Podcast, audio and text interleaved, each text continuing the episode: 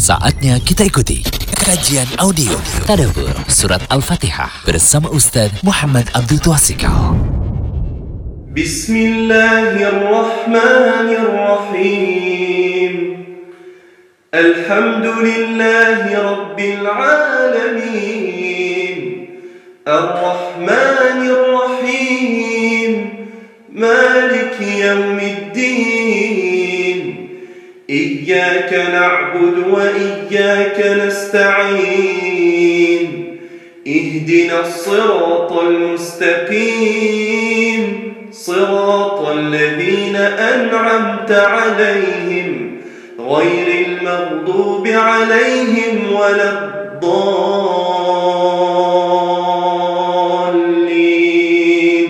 Dengan nama Allah yang Maha Pengasih, Maha Penyayang.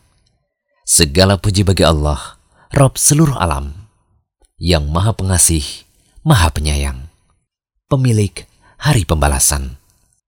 Hanya kepada engkaulah kami menyembah, dan hanya kepada engkaulah kami mohon pertolongan. Tunjukilah kami jalan yang lurus, yaitu jalan orang-orang yang telah engkau beri nikmat kepadanya, bukan jalan mereka yang dimurkai, dan bukan pula jalan mereka yang sesat. Quran Surah Al-Fatihah ayat 1 hingga 7. Sekarang kita sudah masuk ayat yang ketiga, yaitu Ar-Rahmanir Rahim, yang maha pengasih, maha penyayang. Jalaluddin Al-Mahali mengatakan, Ar-Rahmanir Rahim, aidhir rahmati, wahya iradatul khairi li ahlihi. Yang maha pemurah lagi maha penyayang, yaitu yang mempunyai rahmat. Rahmat ialah mengendaki kebaikan bagi orang yang menerimanya. Tafsir Al-Jalalain halaman 10. Begini yang dikatakan oleh Jalaluddin Al-Mahalli. Ar-Rahman Ar-Rahim. Ay dhir rahmati wa hiya iradatul khair li ahlihi. Ar-Rahman Ar-Rahim yang maha pemurah lagi maha penyayang. Yaitu yang mempunyai rahmat. Rahmat ialah mengendaki kebaikan bagi orang yang menerimanya. Nah, apakah ada perbedaan di sini antara Ar-Rahman Ar-Rahim? Di sini Jalaluddin Al-Mahali dalam tafsir lain cuma menjelaskan umum saja yang jelas seakan-akan makna Ar-Rahman Ar-Rahim itu sama. Maka apakah memang ada perbedaan antara Ar-Rahman Ar-Rahim? Sebagian ulama memang menyamakan. Ar-Rahman dan Ar-Rahim itu sama. Sedangkan jumhur kebanyakan ulama menyatakan ada perbedaan. Nah, jika dianggap berbeda, istilah para ulama untuk kedua nama ini yaitu yang kami sebutkan dari penjelasan Syekh Mustafa Al-Adawi Ar-Rahman khasul ismi amul fi'li. War-Rahim amul ismi khasul fi'li. Ar-Rahman adalah nama yang khusus bagi Allah. Menunjukkan um umumnya rahmat Allah. Menunjukkan umumnya rahmat Allah.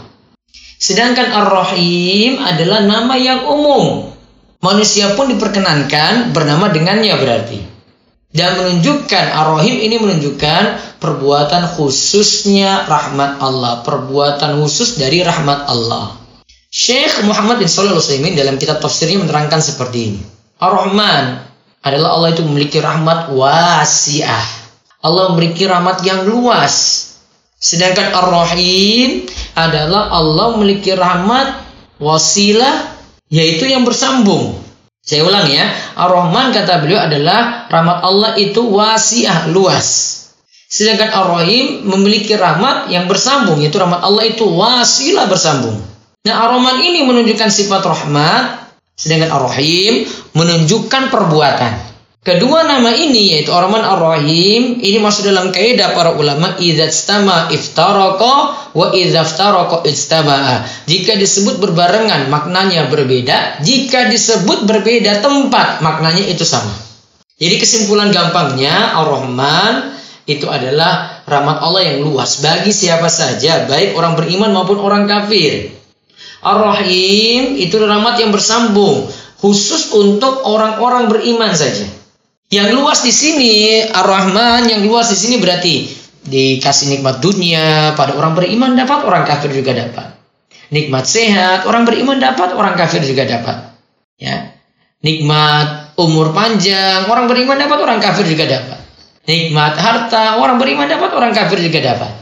Sedangkan Ar-Rahim ini rahmat yang khusus. Perbuatan khusus dari rahmat Allah yaitu cuma diberikan pada orang-orang beriman saja. Ilmu yang manfaat, hidayah, ketakwaan, keimanan, mau bergerak untuk sholat, mau menjalankan kewajiban, mau menuntut ilmu agama, nah itu namanya. Nah sekarang kita lihat faedah dari ayat. Pertama, Allah memiliki nama Ar-Rahman dan Ar-Rahim. Kita menetapkan kedua nama ini dan makna yang terkandung dalamnya yaitu Allah memiliki rahmat dilihat dari sifat dan perbuatannya. Faedah yang kedua, bentuk rububiyah Allah. Ingat ya, kalau kita bicarakan tentang Allah berarti ada namanya rububiyah ya. Rububiyah itu berkenaan dengan Allah sebagai pencipta, pemberi rizki. Ini pokoknya berkaitan dengan perbuatan Allah. Bentuk rububiyah Allah adalah Allah memberikan rahmat bagi hamba. Ayat ini terkait dengan ayat sebelumnya yang menyebutkan Rabbul Alamin. Jadi di antara bentuk rububiyah Allah apa? Nah, Rabbul Alamin dilanjutkan apa? Ar-Rahman Ar-Rahim. Bentuk rububiyah Allah adalah Allah memberikan kasih sayang pada hamba-hambanya. Faedah yang ketiga, faedah disepakati oleh para ulama yaitu beriman kepada nama dan sifat Allah. Begitu pula dengan hukum yang terkait dengan sifat. Misalnya kita beriman bahwa Allah itu Ar-Rahman Ar-Rahim. Berarti Allah memiliki rahmat yang bersifat dengannya yang ini terkait dengan marhum yang diberi rahmat. Maka segala nikmat, kita punya makanan, minuman, harta, segala nikmat itu adalah dampak dari kasih sayang atau rahmat Allah. Itu yang tadi namanya ya, kita mengimani nama dan sifat Allah, kita juga mengimani hukum yang terkait dengan sifat ini. Maka kita nanti pelajari juga tentang marhumuh, berarti ada yang diberi rahmat oleh Allah. Begitu juga kalau kita sebut nama Allah Al-Alim, menunjukkan bahwa Allah itu memiliki ilmu. Allah mengetahui segala sesuatu. Begitu juga kalau nama Allah Al-Qadir, berarti Allah punya kudrah, kuasa, kemampuan. Maksudnya mampu mewujudkan segala sesuatu. Nah, tambahan yang poin ini, ya, tiga faedah ini dari tafsir Al-Quran Al-Azim, Amma karya Syekh Ibn Utsaimin dan Syekh Abdurrahman bin Nasir Asadi. Semoga manfaat. Baru saja kita ikuti kajian audio Tadabur Surat Al-Fatihah bersama Ustadz Muhammad Abdul Tuasikal. Jangan lupa kunjungi terus situs rumaiso.com